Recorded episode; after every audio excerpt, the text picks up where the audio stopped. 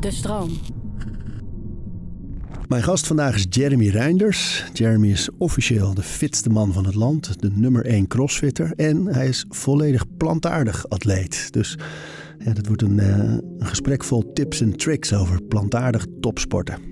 En het is echt verboden om de telefoon zeg maar door de deur van de slaapkamer. Er zit echt een soort van onzichtbare lijn dat als die de telefoon door in de kamer komt, dat Wat gebeurt er dan?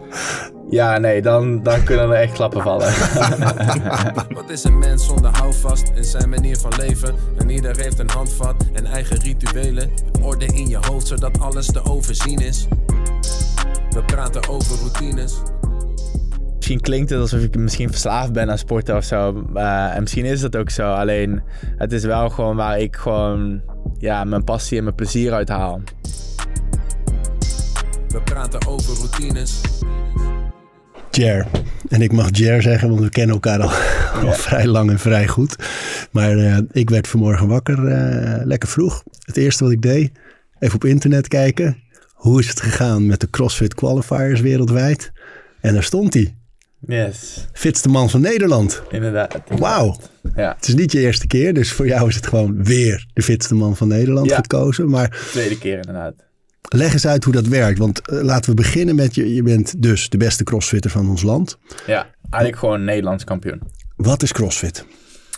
Goeie vraag. En ook een eh, ingewikkelde vraag eigenlijk om uit te leggen. Omdat CrossFit een hele diverse sport is. Je kan het niet zo in, in één zin eigenlijk uit, uitleggen. Ehm, maar ik ga mijn best doen. Ehm, het is eigenlijk een combinatie dus van verschillende sporten bij elkaar. Ehm een van die eh, elementen die erin terugkomen zijn eh, cardio. Dus dat zijn dingen als hardlopen, touwtjes springen, roeien, eh, maar ook zelfs zwemmen, fietsen, op een skiapparaat, Echt Eh, conditiewerk. echt conditiedingen. Eh het tweede element zijn eigenlijk eh, bodyweight movements of eh gymnastiek oefeningen. Daarbij kan je denken aan een, een push-up, een pull-up, op, je, op je handen staan, op je handen lopen, in de ringen jezelf optrekken, aan de stang jezelf optrekken, in een touw klimmen. Ehm, ehm, dingen die je met je eigen lichaamsgewicht doet. Eh, en dan het derde element ehm, zijn krachtoefeningen. En dat is dan vaak het verplaatsen van externe objecten. Eh, en dat kan een barbel zijn. Ehm, een barbel van de grond tot boven je hoofd tillen, squatten. Ehm, maar dat kan ook, er kunnen ook dumbbells zijn. Eh, een zandzak kan het zijn. Dat kan kettlebells zijn alles maar wat je maar kan bedenken. En dan vaak is het het verplaatsen van het object van A naar B. Of zo vaak mogelijk het optillen eh, of omhoog duwen. En je hoort het al als jij het zo uitlegt hoe divers het is. Hè? Die Ja. hele, het, het cross-gedeelte van het, het crost eigenlijk door die hele fitnesswereld en die hele sportwereld heen. Combineert alles. Ja, En als jullie op een, een want jij bent al vaak op de wereldkampioenschappen geweest eh, namens Nederland. Als jullie daar komen, weet je van tevoren niet wat de elementen zijn. Hè? nee, klopt. Want een beetje het, het motto van CrossFit is, is dat je je probeert voor te bereiden op het onverwachte eh, wat het leven je kan toegooien. Mooie metafoor. Ja, dus ehm, je moet eigenlijk. ehm, het doel van CrossFit is om functioneel te trainen. En, ehm, en eh, op een manier te trainen dat er aspecten terugkomen die ook in het dagelijks leven terugkomen. Eh, en jezelf daarop voor te bereiden. En omdat je niet weet wat je in het dagelijks leven nou eh, ooit zal tegen moeten komen. De dingen die je moet optillen, of je moet een sprinten of een berg opklimmen of ergens inklimmen of wat dan ook. eh, is ook onverwachts. En daardoor is op de CrossFit Games en de workouts en de elementen die je krijgt. ehm houden ze die tot op de dag van tevoren, soms de uur van tevoren, zelfs de minuut van tevoren nog onbekend. En dan wordt er ineens iets gepresenteerd en dat is wat je dan moet doen. Ja, zo kan het gebeuren dat jullie de zee in moesten of een meer in Ja. om te zwemmen, Ja, fietsen, ja, eh, rennen over een berg, dingen met, met, met z'n allen hele grote zandzakken tillen. ja. Ja, dat, kan, dat is dus echt heel divers. Maar ook Dus- gewoon eh, Olympisch gewicht heffen met grote gewichten. Ja, ja, ja. ja. Er zit gewicht heffen, turnen, atletiek, al die dingen komen eigenlijk samen. Hè? Klopt. En wat je zegt over het functioneel trainen vind ik zo mooi. Want ik train nu de laatste jaren met mijn ouders en zie daar... Eigenlijk heb ik dat van CrossFit geleerd, van, gewoon van de zijlijn. Mhm. En af en toe eens proeven. Dat de bewegingen die mensen maken in de sportschool eigenlijk bewegingen zijn die in de rest van ons leven ook voorkomen. Zitten, Ja. staan, squatten, Ja, eh, jezelf eh, of iets boven je hoofd wegleggen is. Een Ja. shoulder press. Dus al die dingen komen terug. Dat is zo mooi om op die manier naar sport te kijken. Ja, het gaat er in CrossFit echt totaal niet om hoe je eruit ziet. Het gaat er echt puur en alleen om wat je kan met je lichaam. Ja, mensen die nu denken, nou, ik ben toch wel benieuwd hoe die eruit ziet. Die kunnen gewoon de mensen helpen opzoeken met Jeremy Reinders. Ja. Want dat is wel, eh, dat, dat uiterlijk is geen doel van crossfitters, maar het is wel degelijk een gevolg. Ja, het is zeker een, een, een, mooi, een mooi gevolg ervan. Een, een mooi gevolg ervan die eh, je zeker, zeker mee kan nemen. De Dus, 8 en de ehm, 12 pack. Ja.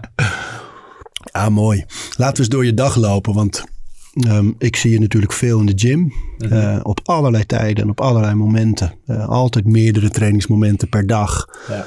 Maar aan zo'n gruwelijk sportschema moet ook heel veel eh, op het gebied van voeding en herstel gebeuren. Dus la- laten we gewoon eens beginnen aan het begin van jouw dag. Ehm, yes.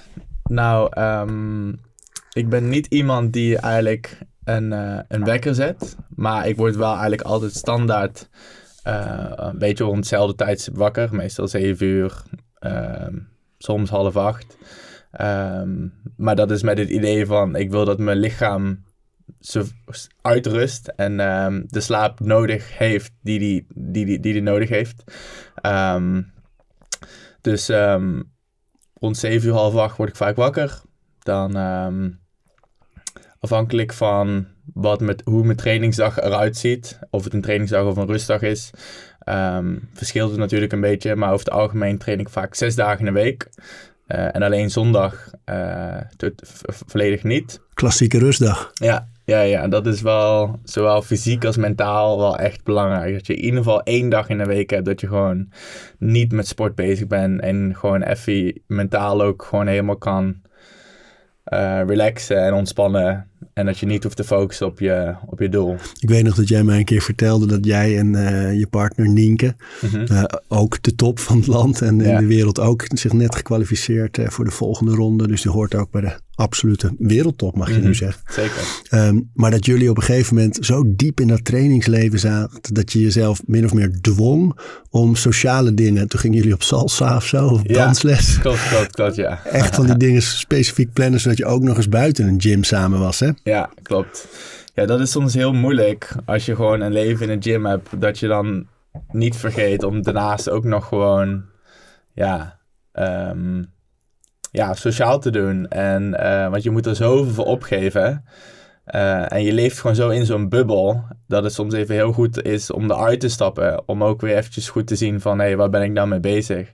En ehm, ja, ook proberen natuurlijk te leven. Maar ehm, ja, het klinkt misschien een beetje alsof je inderdaad geen leven hebt, alleen maar aan het sporten bent. Maar het sporten voor mij is natuurlijk ook gewoon waar ik gewoon mijn grootste passie en, en plezier uit haal. Ja, man. Gym life. Ja, Ga verder, want je was, eh, we waren nog in de ochtend. ja, ja. ja. Ehm, nou, meestal gewoon eh, word ik wakker, ontbijtje, eh, dat varieert. Soms is dat havermout met bessen en ehm, wat noten en wat zaden. Ehm, soms is dat, eh, zijn dat gewoon wat toast met avocado of pindakaas en jam. Of, ehm, of gewoon een bakje yoghurt met fruit en noten. Dat varieert soms een beetje. Ehm, vaak heb ik in de ochtend altijd een eerste trainingssessie. Eh, meestal 60 tot 90 minuten. En dat is dan iets meer, vaak iets meer gefocust op cardio.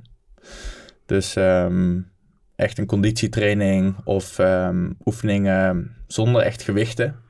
Wel met je eigen lichaamsgewicht of in ieder geval met lichte gewichten. En waarom doe je dat eh, het liefst aan het begin?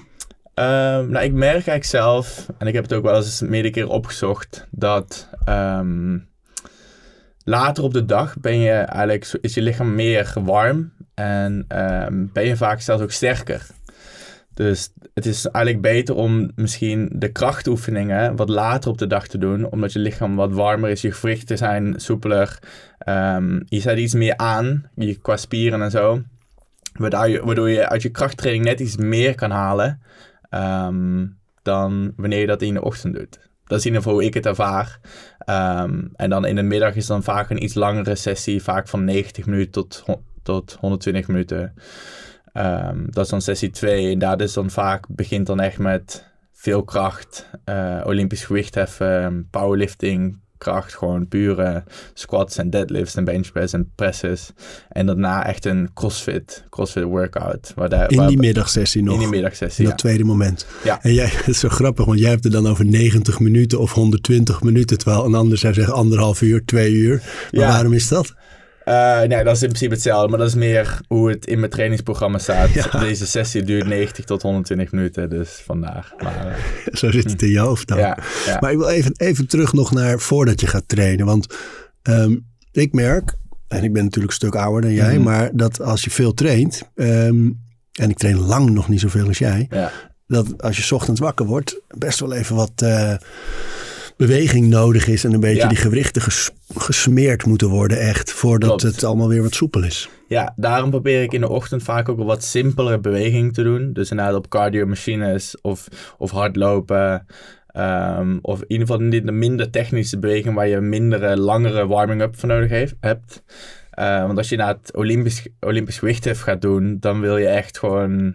Dan moet, dan moet je echt goed stretchen van tevoren. Ehm, en echt zorgen dat je, ja, je gewrichten en spieren gewoon echt goed zijn opgewarmd. En doe jij Ehm. verder niks in die ochtend om dat een beetje allemaal op gang te brengen voor die training? Ehm, natuurlijk wel eh, gewoon een beetje stretchen. Ehm, dat is vaak 5 tot 10 minuutjes. Zijn dat gewoon wat, eh, wat simpelere stretches. En natuurlijk doe je wel een kleine warming-up altijd. Van 5 tot 10 minuten op de machines of zo. Ehm, en wat de specifiekere bewegingen die je in die workout dan gaat doen. Dus ehm, dat wel. Maar ehm, en natuurlijk gewoon een douche. Helpt ook af- al. Ja, een warme douche beginnen en koud afdouchen. Dat geeft natuurlijk altijd gewoon even die, die rush. Dan voel je je toch weer ineens van extra wakker. Dus eh, dat scheelt natuurlijk ook. Ja, dus Ja. dat. Lekker. Na die, eh, want je zei het ontbijt zit vroeg. Want jij deed, je doet af en toe intermittent fasting, toch? Ja, ja doe je- soms doe ik wel intermittent fasting. Ehm, soms vind ik het ook eh, lekker als ik vaak met hardloopsessies om niet van tevoren ehm, te eten. Ehm, Dan pas spreek je je vetverbranding aan. Of je eigen reserves. Ja, klopt. En ja, ik heb ook soms het idee dat inderdaad als ik, als ik niet van tevoren gegeten heb, wat later op dag eet en eerst mijn training al gedaan heb, dat ik gedurende de dag ook gewoon wat, wat helderder ben of zo.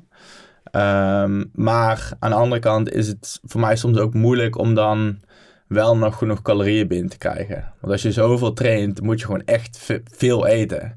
Ehm, dus dan is het, als je je eet, eetmoment natuurlijk verkleint, dan is het wel belangrijk dat je in dat eetmoment wel voldoende binnenkrijgt voor, de, voor, de, voor je gehele dag. En is dat dan ook de reden dat je soms een periode eh, intermittent fasting doet en soms weer een tijdje niet, om ook gewoon op gewicht te blijven dus? Ja, ja, ja zeker. Dat is ook ehm, eh, een, een tool die ik gebruik om wanneer ik weet dat ik, eh, net als aanloop van deze afgelopen competitie, aflo- afgelopen weekend, dan ben ik eigenlijk 1, 2 kilo lichter dan ik normaal ben.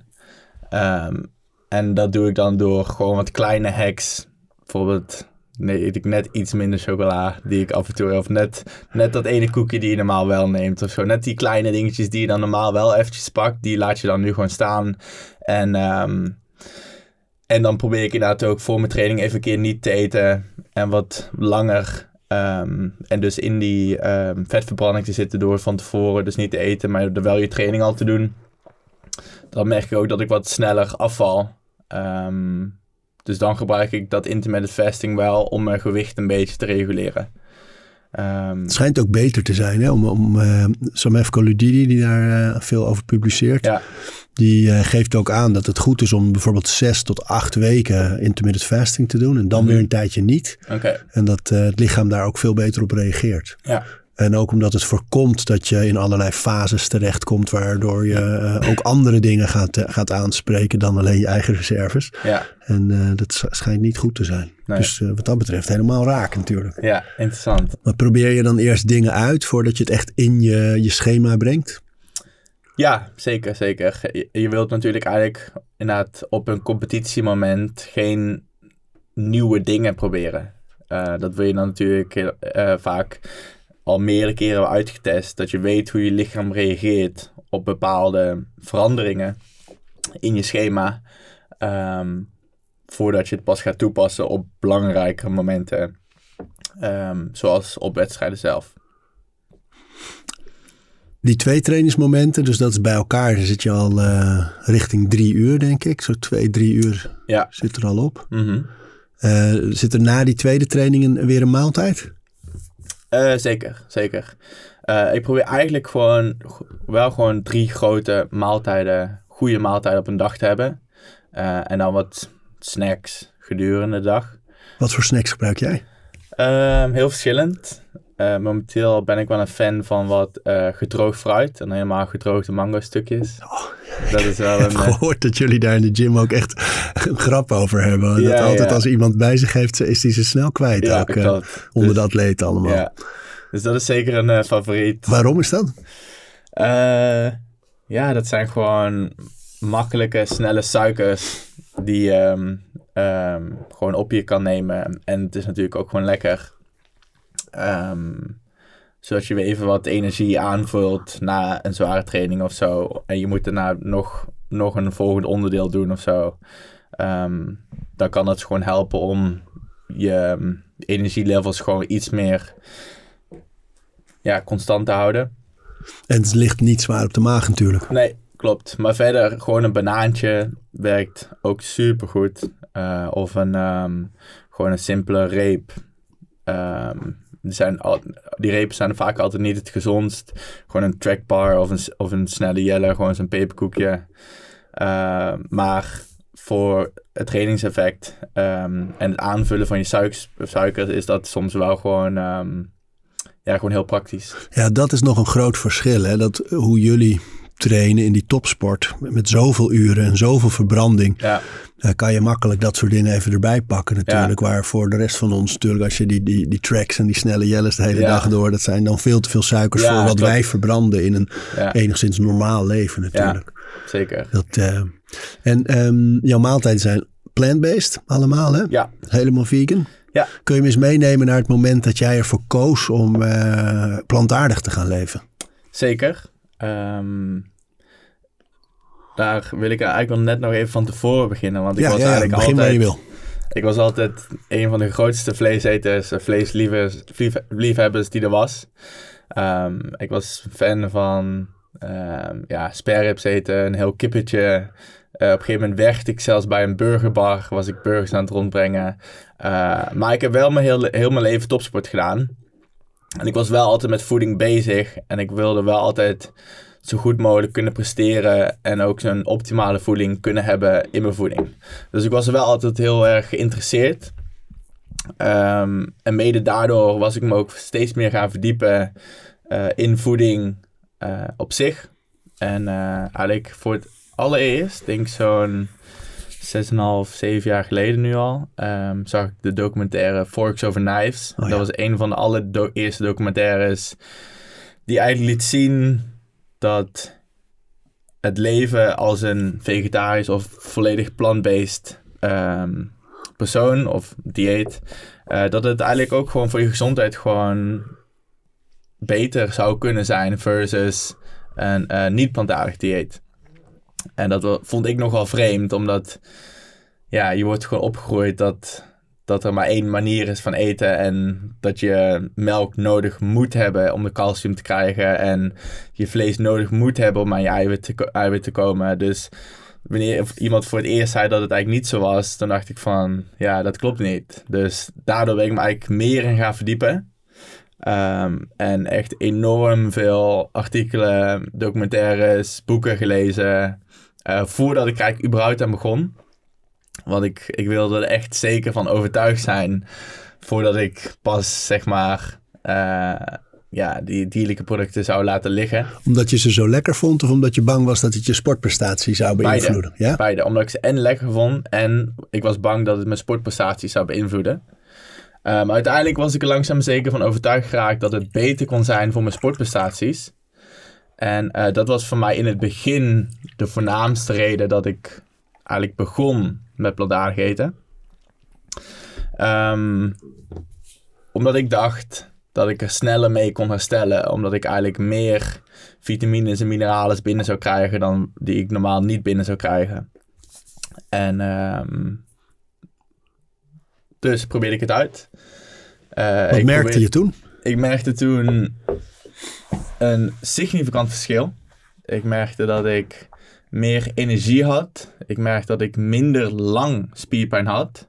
Waar ik voorheen twee, drie, vier dagen spierpijn had van bepaalde trainingen, had ik nu één, maximaal twee dagen zeg maar spierpijn.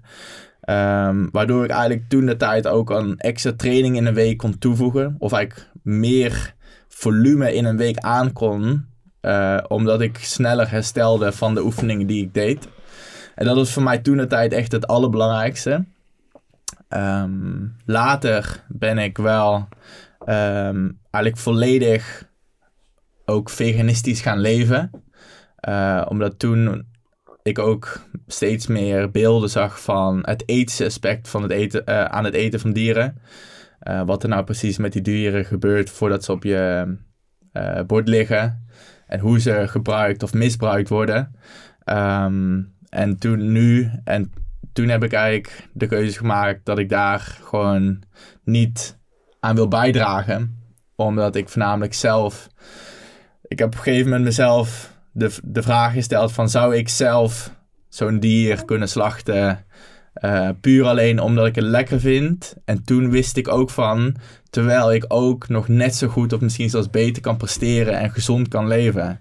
Dus dan de enige reden van voor mij zou het dan zijn van, is het dan puur voor mijn eigen genot dat ik dat dan zou doen? En dan voor mij was dan die vraag nee. Ehm, en toen kon ik het ook niet meer over mijn hart verkrijgen om dan tegen mijn eigen principes in te gaan. Um, ja, en, en ik weet dat jij de vraag heel vaak krijgt, dus dat je er ook een antwoord op hebt. Maar altijd, ik leef niet volledig plantaardig, maar uh, wel grotendeels. Mm -hmm. Maar als ik erover post van uh, meer groente eten of wat dan ook, zeggen mensen altijd: hé, maar je sport zoveel. Waar haal je dan je proteïne vandaan? Ja. Je glimlacht al ja, dat je de vraag hoort. Ja, dat is een vraag die, denk al, die ik al 3000 keer heb gehad. Vind je het erg om het nog een keer nee, te beantwoorden? Nee, zeker niet. Want dat is, was voor mij ook de allereerste vraag die ik had toen ik begon met plantaardig eten. En ook voor mij was dat de belangrijkste vraag voordat ik überhaupt aan wilde beginnen. Um, want ik, het is zo in de cultuur ingegrond dat je vlees moet eten om aan je proteïne te komen. En het is gewoon helemaal niet eigenlijk um, in de samenleving, aan de samenleving geleerd dat je ook uit planten je eiwitten kan halen. Um, in principe zitten in alle planten eiwitten. Natuurlijk in sommige producten meer dan andere. Um, in producten zoals uh, pulvruchten. Dus um, soja, tempeh, vleesvervangers, zwarte bonen, kikkererwten, uh, linzen. Dat zijn over het algemeen producten die hoog zijn in eiwitten.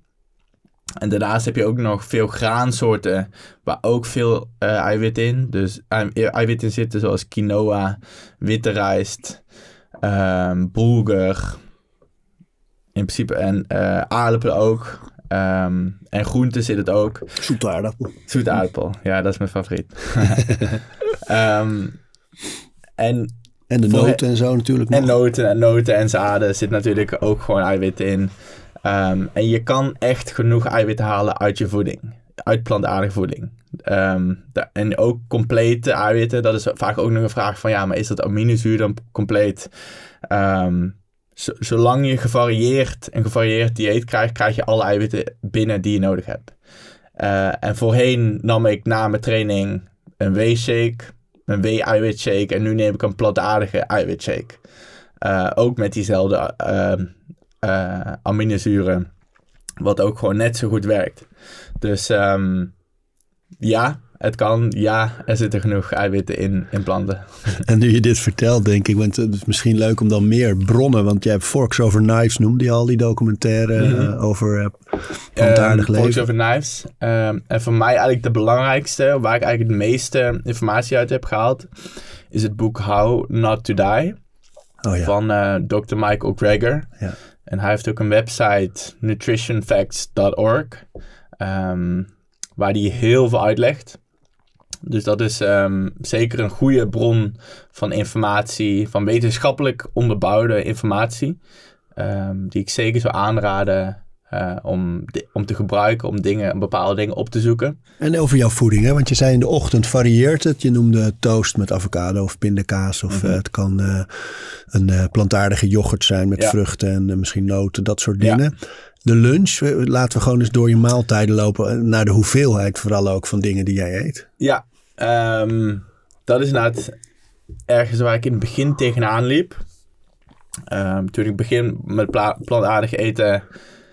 Over het algemeen zitten in sommige de meeste plantaardige middelen minder calorieën.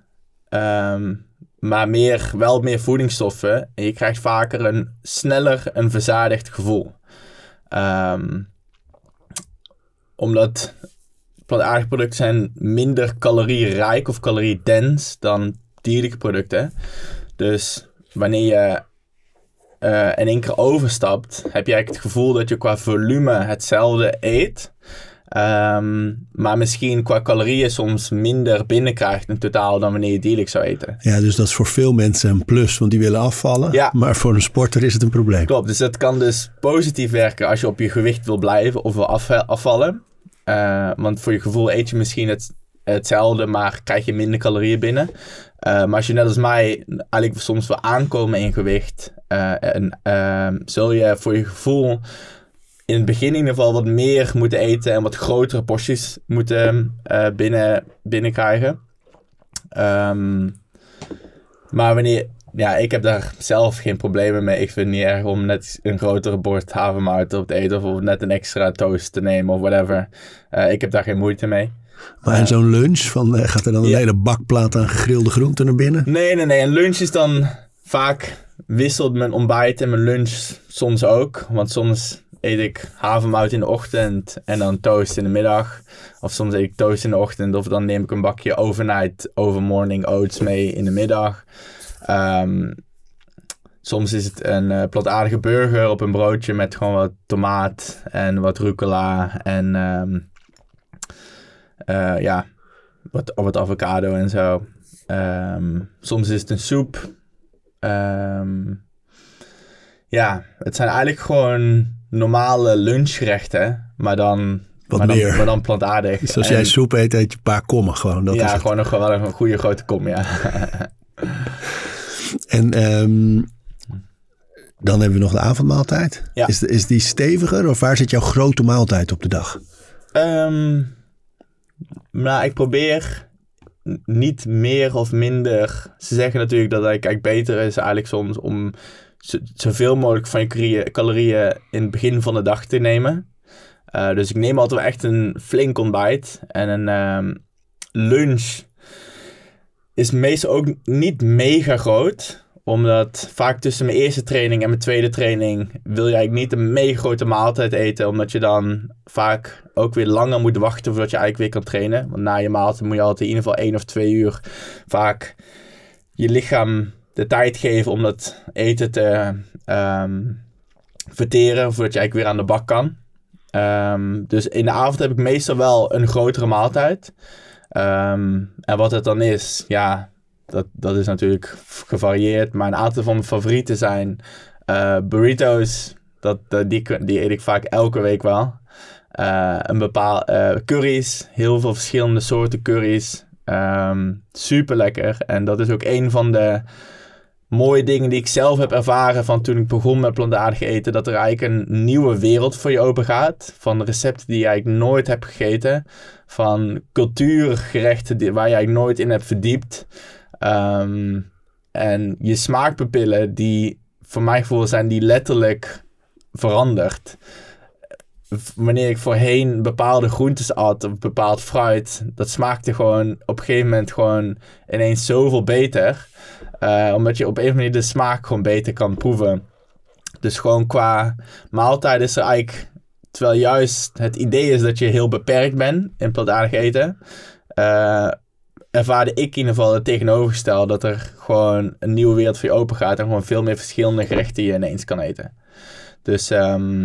Je hebt ook voor, uh, voor OrangeFit, een van je sponsors, plantaardige ja. proteïne, uh, heb je ook een keer een, een, een dag-eetboek, soort tips en tricks ook. Uh, ja. Dat staat nog online, toch? Ja, dat staat denk ik nog online. Ik denk als je um, OrangeFit en dan um, Jeremy Reinders, voedings dagboek intypt of zo, dat je, ja. dat je het vast wel um, op Google krijgt. En uh, Nienke, waar we het net al over hadden, je vriendin heeft een boek ook gemaakt met Klopt. allerlei plantaardige recepten ja, voor Mijn sporters. heeft inderdaad ook een uh, plantaardig um, receptenboek gemaakt met focus op hoge eiwitrijke plantaardige recepten.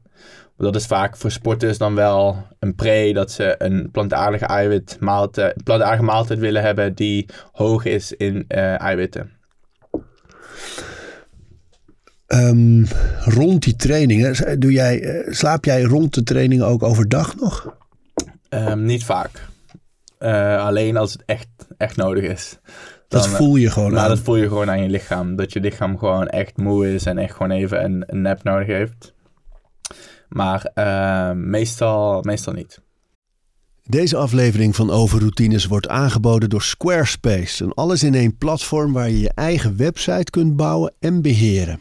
Het maakt niet uit of je producten, diensten of je passie met de wereld wil delen. Het kan allemaal bij Squarespace.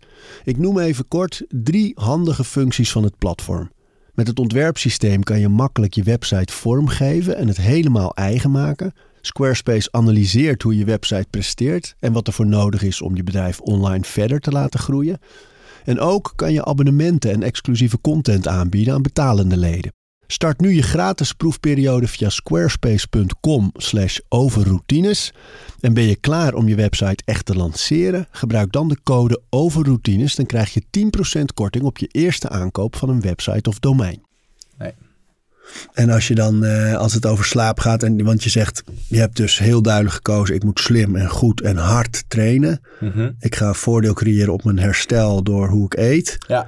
Maar een belangrijk deel van herstel is natuurlijk ook je rust. Wat doe je Klopt. daar allemaal aan? Um, ik, gebruik, ik gebruik nu ook sinds kort ook weer de, de Whoop. Oh ja, Whoop. Uh, Zo'n, uh, ja, hoe noemen we het? Een smart device, zeg maar. Ja, dat een smart alles device echt meet. die hè? gewoon je slaap trekt. W-H-O-O-P. Ja. Whoop. En uh, die trekt, trekt dan ook je diepe slaap, je remslaap, je lichte slaap, slaap hoe vaak je per nacht wakker wordt, uh, je rusthartslag en uh, je HRV. Um, dus dat gebruik ik in ieder geval om in kaart te hebben van wat mijn performance is. Um, zodat ik op die manier kan zien van hey, wat werkt en wat werkt niet. Ja, je slaapperformance heb Ja. je het dan over. Ja. Hoe goed je slaapt. De kwaliteit van je slaap. Ja, precies. Ja.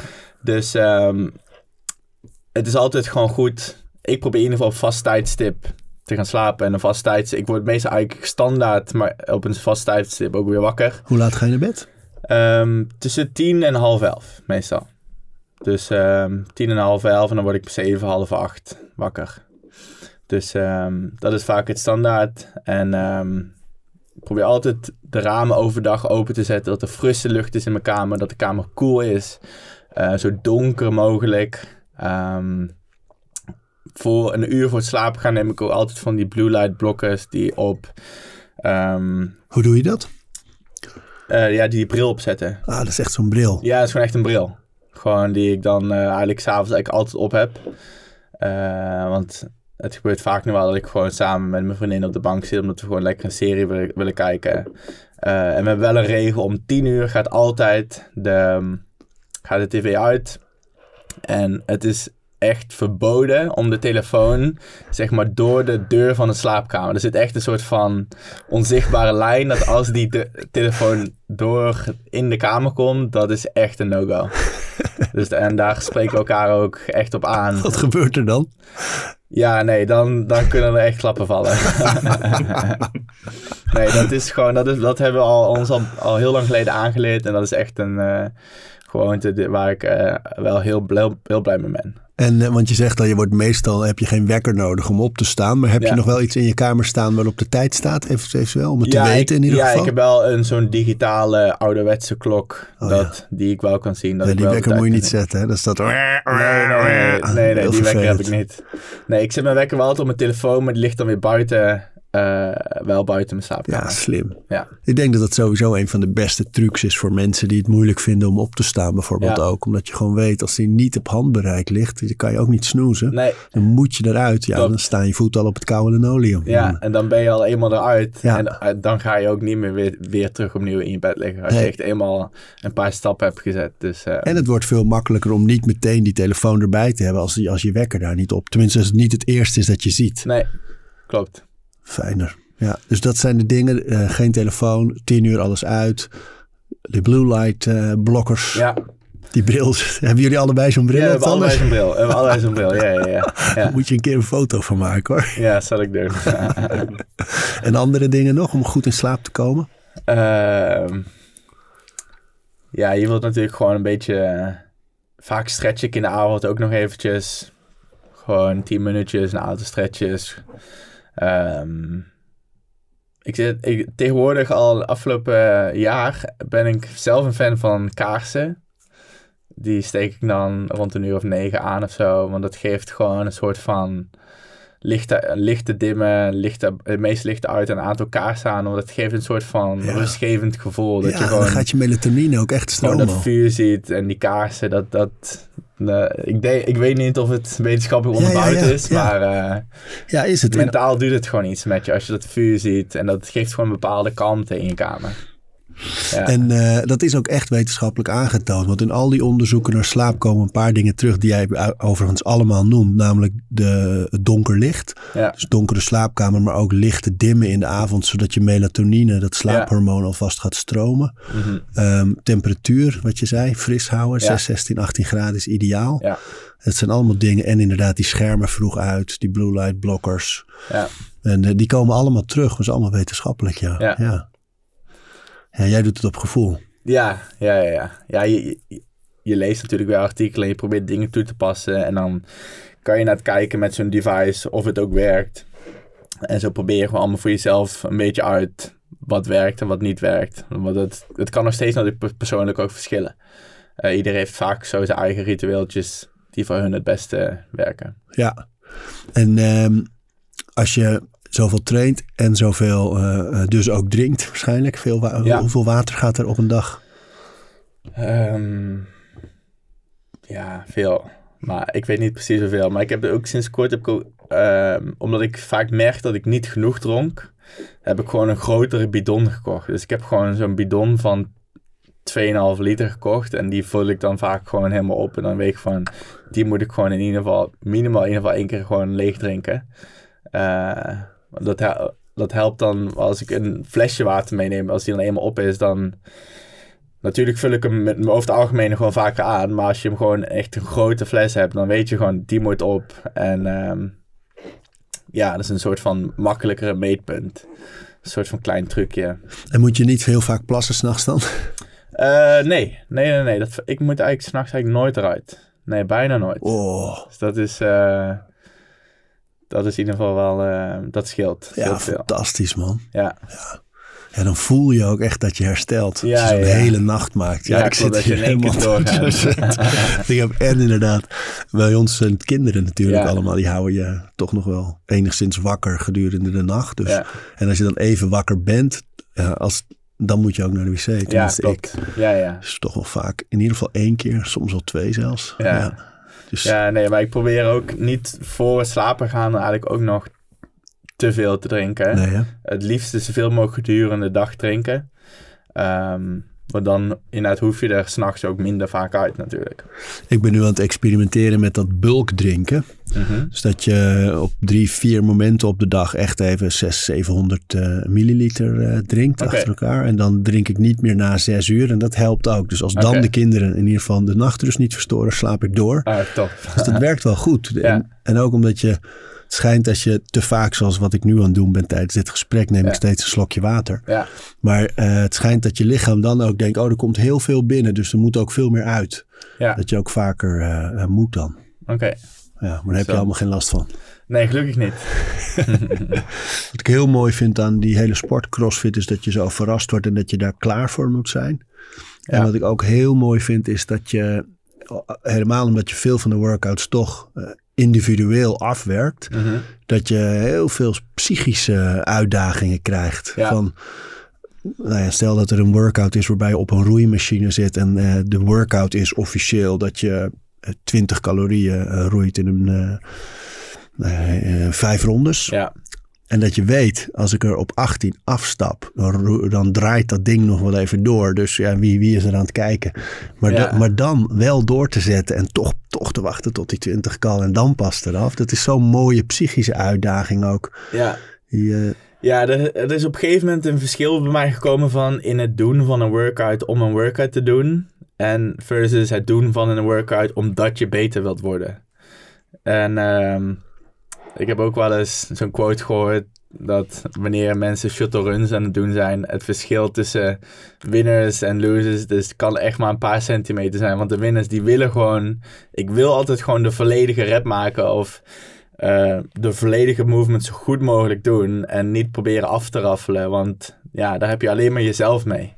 Ehm, dat inderdaad met die shuttle run, dat de echte winnaars zetten hun voet wel over de lijn en mensen die de kantjes van aflopen, lopen letterlijk, die stoppen dan net voor de lijn en gaan ze weer terug. Ehm, dus ja, maar heb je het gevoel dat dat gedeelte, hè, dat psychische gedeelte, dus ben je Mhm. iemand die zijn voet op de lijn zet en dan teruggaat, of ben je iemand die net ervoor en dan alweer terug, want je wil gewoon zoveel mogelijk en je moet iemand bijhouden of wat dan ook.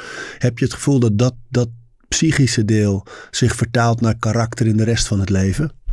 Eh, zeker, zeker, zeker. Want je wilt dingen gewoon goed doen vanaf het begin af aan. En dat is. En dat, dat vertaalt zich natuurlijk in de sport. Nou, het vertelt zich ook supergoed eh in het leven. Ehm, maar daar wil je ook geen half werk leveren. En ehm, dingen maar doen om ze te doen. Je wilt dingen doen omdat je er echt iets uit wil halen. En, ehm, en omdat je echt beter wilt worden. Want vroeger deed ik vaak op school, dan moest je iets leren en dan leerde je om het maar te leren, omdat je die toets moest halen. omdat je Zeventje erin zitten en dan ja, eh, was het en dan, goed. zolang je een voldoende had, was je, was je blij. Maar nu, nu doe je echt iets omdat je het wilt weten en je wilt er beter in worden.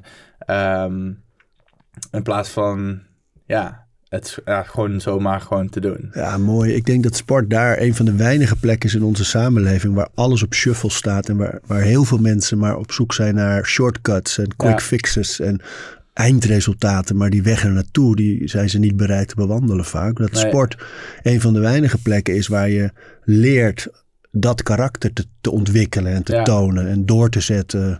Soms door iets moeilijks heen of eh, Mhm. een doel te stellen en daar echt hard voor te werken. Er zijn niet zo Ja. heel veel plekken meer in de samenleving waar dat zo is. Nee, nee, zeker niet. Mensen, Nee. als ze hun studie te moeilijk vinden of niet leuk, gaan ze iets anders doen. Relatie, hup, iets anders. Ja.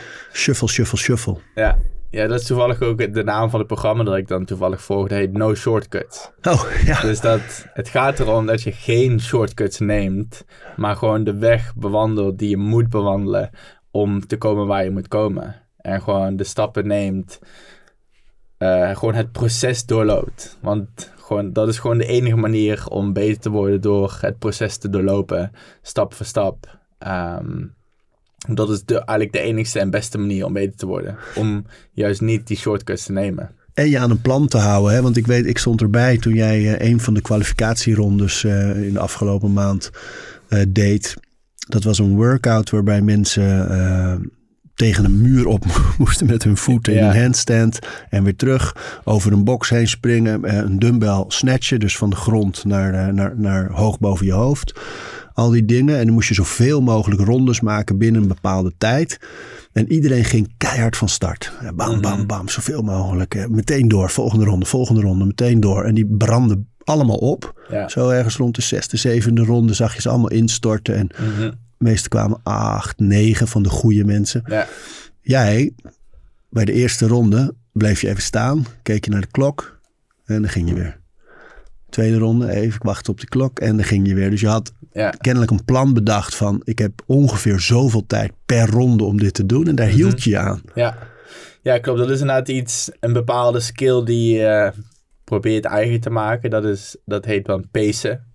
Ehm, maar op een gegeven moment leer je je lichaam kennen en weet je dat als je gewoon in het begin te hard van stapel gaat, als je eenmaal over die redline heen bent gegaan, dan kom je er eigenlijk bijna niet meer onder van terug. Dan gaat het, kan je in het begin heel snel gaan, maar als je eenmaal die muur raakt, dan ga je gewoon, dan kom je gewoon niet meer dan gaat je hartslag niet meer omlaag. En dat kan je niet meer herstellen. Maar als je vanaf het begin af aan consistent op één bepaalde pace ehm, blijft, dan kan je dat veel langer volhouden. Maar je moet eigenlijk elke workout die je doet, ook al zijn het allerlei verschillende oefeningen, eigenlijk zien als een marathon of als een 5 kilometer run. Daar probeer je ook één bepaalde pace te lopen. En je begint niet met een sprint, een marathon, want daarna dan, ja, dan kan je het wel vergeten. Dus, eh, Maar hoe schat je dat dan in? Want, want je hebt zo'n workout dan nog nooit gedaan. Want je hebt, net, je hebt het allemaal net gehoord. Je hebt wel even tijd gehad om over na te denken. Maar Ja. niet om het echt uit te proberen, toch? Nee, ja, maar dat is gewoon de ervaring die je opbouwt door bepaalde workouts, om zoveel mogelijk workouts te doen. En dan in je hoofd hebt van, nou, deze workout lijkt eigenlijk een beetje op de workout die ik toen heb gedaan.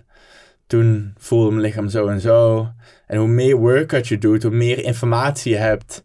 Eh, en die, dat je, die je kunt gebruiken om een bepaalde workout in te gaan. En op die manier probeer je dus een strategie te bedenken en, en je eigen capabilities of je eigen, wat is het Nederlandse woord? Je eigen, Ja, de, je, eh, ja, je talenten Ja. of je... je eigen krachten De dingen in die te, je kunt. In, in, in te schatten. eh, en op de basis daarvan een plan te maken. En soms moet je een plan maken en daarin houden. Eh, en soms is de worker dat je eigenlijk geen plan hebt en gewoon 100% gaat. Maar dat, dan is dat het plan. Ehm, maar dat verschilt dus per workout kan het zo verschillend zijn. En eh, hoe langer ik CrossFit ook doe, hoe meer je je bewust wordt van alle kleine details. Want ik kan bij wijze van spreken, eh, als je denkt een burpee, oh ja, dat is gewoon een burpee, die kan je maar op één manier doen. Ik kan nu denk ik echt wel een presentatie doen van minimaal een half uur over alleen de burpee. Omdat er zoveel verschillende manieren zijn dat je hem alsnog kan opstappen, op de box kan afspringen, met twee voeten opstappen.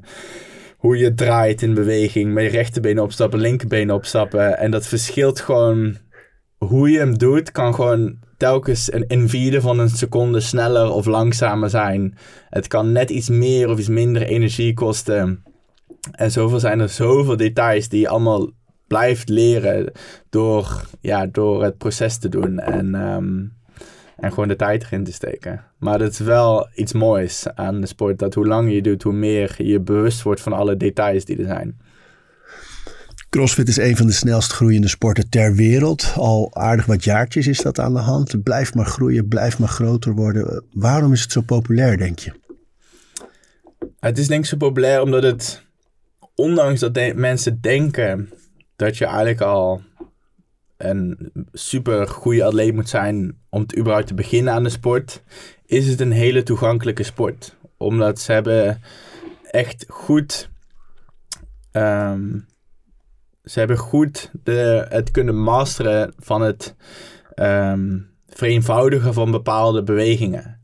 Dus ondanks dat iemand minder fit is, kunnen ze nog steeds dezelfde workout doen en dezelfde stimulus krijgen, ondanks dat het niveau misschien compleet verschilt. Zodat ik misschien een workout met ehm front squats doe, doe ik ze misschien met 60 kilo. Een andere persoon doet ze met 40 kilo. Andere persoon met een 20 kilo staan. Andere doet ze gewoon met helemaal gewoon geen gewicht. En die doet ze alleen met, met een eh, air squats. En ehm, op die manier, de coaches kunnen gewoon heel goed jouw niveau inschatten. Ehm, en is het gewoon een hele toegankelijke sport. En juist omdat het natuurlijk ook zo divers is, is er altijd wel iets waar je goed in bent of iets wat je leuk vindt ehm, in de sport ehm, van CrossFit. Ja, daar zeg je het. Hè. Ik vond die beelden zijn zo mooi. Dat je dan inderdaad gewoon jezelf als topsporters naast mensen die met een beetje overgewicht zo'n gym in zijn komen wandelen.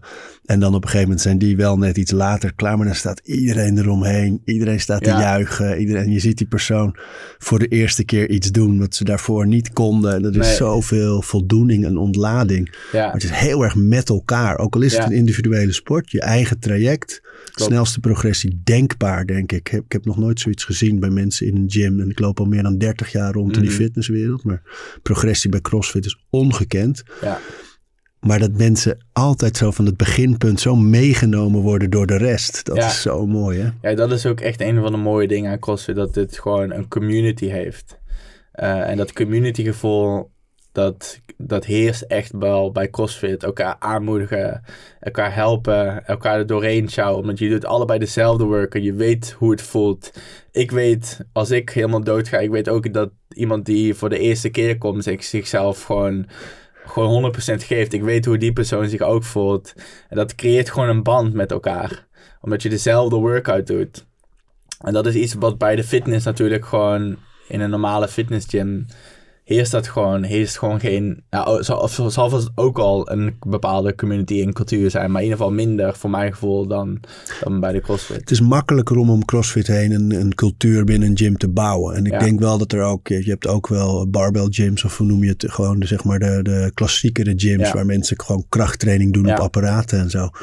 Daar kan je wel een community bouwen van mensen die elkaar kennen en die elkaar spotten bij een oefening. En zeker. dat kan wel, maar het is moeilijker omdat het nog individueler is. Ja, En dit leent zich met groepslessen natuurlijk Ja. sneller voor we doen het samen. Ja. Ook al is het je eigen pad. ja. Ja, prachtig man. Je zei aan het begin van het gesprek, ehm, je moet er ook wel veel offers voor brengen. Mhm. Zeker. Is er ooit in jouw hoofd dat je denkt, oeh, het zijn wel heel veel offers, zo dat leven leven van een topsporter? Ehm goeie vraag. Ehm, nou, op een gegeven moment zie ik het gewoon niet meer echt als, eh, als een offer. Omdat dan, wanneer ik dan weer eens een uitga of dan, of, of whatever, dan, dan is het niet dat ik me daar dan beter door voel of zo. Ehm, dus in het begin zag, dacht ik echt dat ik dingen misliep. Maar toen ik eenmaal realiseerde van nee, dit is wat ik wil doen. En dit is waar ik gelukkig van word. En ook al lijkt het misschien vanuit de buitenwereld dat ik heel veel offers breng. ehm, omdat dat hun perspectief is. ehm, zie ik dat eigenlijk persoonlijk niet zo. Omdat ik, ja... Misschien, ben, misschien klinkt het alsof ik misschien verslaafd ben aan sporten of zo. eh, en misschien is dat ook zo. Alleen het is wel gewoon waar ik gewoon ja, mijn passie en mijn plezier uit haal. Dus ehm, nee, ik denk niet meer dat het echt offers zijn. Denk Dus, je dat eh, er iets aan het veranderen is? Ik, ik was laatst, was ik, had ik iemand meegenomen, een vriend, niet, niet heel erg een sporter, maar wel, eh, nou, die was met me mee naar de gym, deed een workout, zag jullie aan het werk allemaal. En die zei, oh man, wat heerlijk moet dat zijn. Hè? Dat je gewoon, dat je, dat je dag rond trainingen gebouwd kan worden. En eh, die, die zag een soort vrijheid daarin. Van mensen doen wat ze leuk vinden en waar ze goed in zijn. Dat vond hij heel mooi. En, en ik dacht later ook nog, er is ook iets wel een beetje aan het veranderen, mede door de crisis.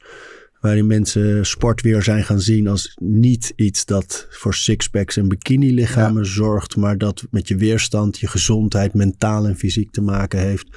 Waardoor sporten voor heel veel mensen ook als een soort vorm van uitgaan Mhm. eh, ja, gezien kan worden, heb ik het gevoel. Ja. Misschien is het wishful thinking omdat ik Nee. zelf in de gymwereld ja, zit. je- Maar ik meen dat wel een beetje te ontwaren. ja, misschien leven we natuurlijk ook een beetje in een bubbel. Maar ehm, ja, je gaat ook gewoon nu naar de gym omdat je je vrienden wilt zien. En elkaar tussen, tussen trainen door gewoon lekker eh, gewoon met elkaar gaat praten. En inderdaad ook sociaal wilt zijn.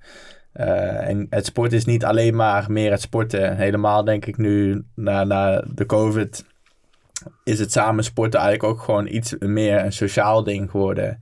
Ehm, en zijn mensen dat steeds meer gaan realiseren van hoe belangrijk niet alleen fysiek, maar ook mentaal het sporten voor je kan zijn.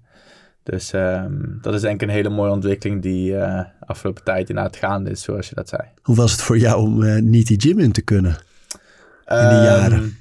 Ja, moeilijk. Ja, het is. ehm, ehm, Het liefst train je natuurlijk gewoon in gym, maar dat is gewoon de beste setting om beter te worden.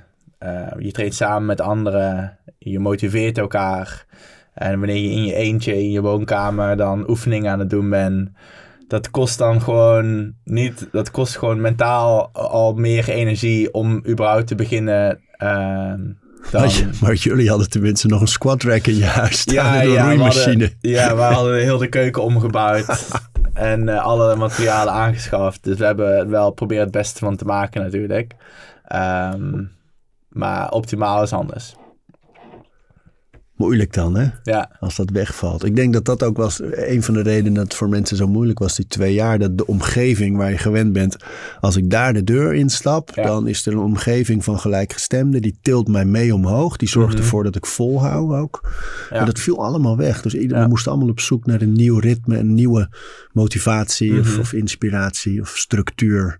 Om maar eh, vol te houden, dat, dat bewegen, ja. ja. En dan zijn de wc-rollen en de pannen natuurlijk ook niet uh, heel duurzaam als oplossing. Nee. Wel leuk, maar niet duurzaam. Nee. hey, je noemde ook al, je noemde een paar docus. Je noemde één boek natuurlijk, How Not To Die. Um, zijn er nog andere bronnen van inspiratie uh, die jij uh, aanboort. Bijvoorbeeld op de socials, bepaalde mensen die je volgt. Of uh, waar, ook waar mensen zelf, zelf, zeg maar. Want ik kan me voorstellen, als je dit allemaal hoort, zit natuurlijk wel echt in, in, diep in de sport. Ja. Maar ik kan me wel voorstellen dat mensen al heel lang zelf, zoals heel veel mensen, twijfelen. Ik wil die stap gaan zetten naar plantaardig leven. Of mhm. meer plantaardig leven, wat maar de richting is. Ja. Wat voor bronnen zijn er nog waarvan jij zegt, oh, dan moet je daar eens kijken of die eens volgen?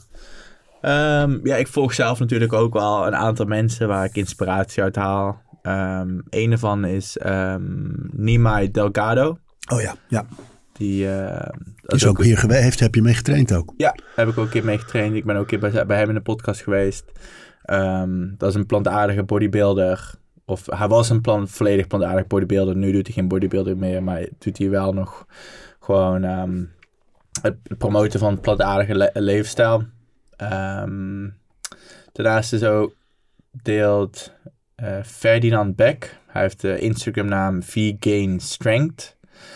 Deelt hij ook vaak goede tips en tricks op zijn pagina uh, over plantaardig eten. Um, dus die zou ik ook zeker aanraden.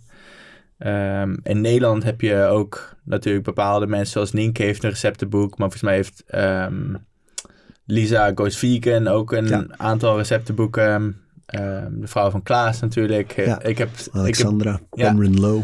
Ja, ik heb daar toevallig ook al wat recepten uit gema uh, gemaakt. Ja, Leuk. ja, ja, zeker. Dus uh, dat was ook, ook tof. Um, ja, en ja, dat is... Dus er, zijn, er zijn er honderden, maar dat zijn eventjes de eerste paar mensen die bij mij... Uh, en, en als tips en tricks hè, voor mensen die... Oké, dat zijn mensen die ik kan volgen voor inspiratie en voor informatie vooral ook. Maar wat is nou een haalbare stap voor mensen als ze.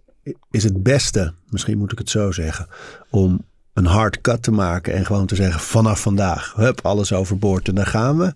Of is er, een, is er een makkelijkere stap om de drempel te verlagen naar dat plantaardige leven? Um, voor de meeste mensen werkt het het beste eigenlijk om stap voor stap te werken. Dat had ik ook gedaan. Door, ik begon dus eerst met alleen de normale melk te vervangen door de plantaardige melk. En dat ik dan voor een week vol te houden. En daardoor was mijn ontbijt eigenlijk al, probeerde ik plantaardig te eten. En als, dan, als je eenmaal een paar ontbijt uh, variaties hebt gevonden, toen ging ik volgens mij, de volgende stap was volgens mij alleen geen rood, rood vlees.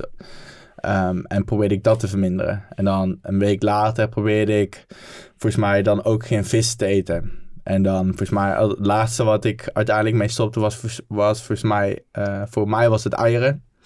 Uh, maar zo eigenlijk van week op week bracht ik eigenlijk een kleine verandering toe. Waardoor ik niet het, echt het idee had dat ik een enorme verandering in mijn levenspatroon in één keer aanbracht. Uh, waardoor ik het gevoel had um, dat het veel makkelijker was om vol te houden. Dus, um, ja, dat is een goeie. En heb je toen ook meteen naar je supplementen gekeken? Wat je vaak hoort dat als mensen geen vlees meer eten, dat ze bijvoorbeeld B12 goed in de gaten moeten houden, vitamine B12. Ja, dat heb ik natuurlijk ook opgezocht. Um, er zijn een aantal supplementen die, um, die in ieder geval worden aangeraden als je een plantaardig eet. Ook wanneer je niet plantaardig eet, dan moet je die vitamines natuurlijk ook binnenkrijgen. Um, een daarvan is vitamine B12. Dat probeer ik in ieder geval één keer in een week. Neem ik volgens mij één vitamine B12 pilletje. Uh, dagelijks neem ik wel vaak uh, omega 3 van algen. En dan voornamelijk in de wintermaanden, uh, wanneer je niet genoeg zonlicht krijgt, vitamine D3. Um, dat zijn eigenlijk de drie basissupplementen die ik, um, die ik neem. Neem je nog magnesium ook? Um, magnesium ook soms. eigenlijk op het moment dat ik echt, echt veel zweet en, een lange conditietrainingen doe. dan, probeer, dan neem ik vaak ook wat extra magnesium. als ik idee dat ik anders ook spierkrampen krijg. en na, na mijn training natuurlijk altijd een eiwitshake. En voor krachtsporters is het ook zeker aan te raden om af en toe um, wel en niet uh, wat creatine te nemen. Uh, dat doe ik zelf ook regelmatig. Uh, maar dan heb, je, dan heb je het ook echt wel gehad. Dat zijn ook wel echt de belangrijkste dingen. De rest gewoon lekker uit voeding. Ja, en de rest gewoon lekker uit dingen. Want zo sterk als een os. Wat at een os ook alweer? Alleen maar planten. Jer, bedankt man. Yes. Leuk. Fitste man van het land. Mm -hmm. Thanks. Thanks. We praten over routines. Dankjewel voor het luisteren. En voordat je weer doorgaat naar andere dingen, wil ik je nog even wijzen op Over Inspiratie. Dat is het mailtje dat ik elke donderdag rondstuur met drie tips. Dingen waar ik zelf veel aan gehad heb. Kunnen producten zijn, artikelen die ik gevonden heb online, onderzoeken uh, Instagram-accounts, podcasts, boeken, van alles eigenlijk. En ik denk dat je daar zelf ook veel aan kunt hebben. Dus vind je het leuk om dat mailtje elke week te ontvangen? Dan kun je je opgeven op ariboomsma.nl onderaan de pagina. Dan krijg je voortaan elke donderdag in je mailbox over inspiratie.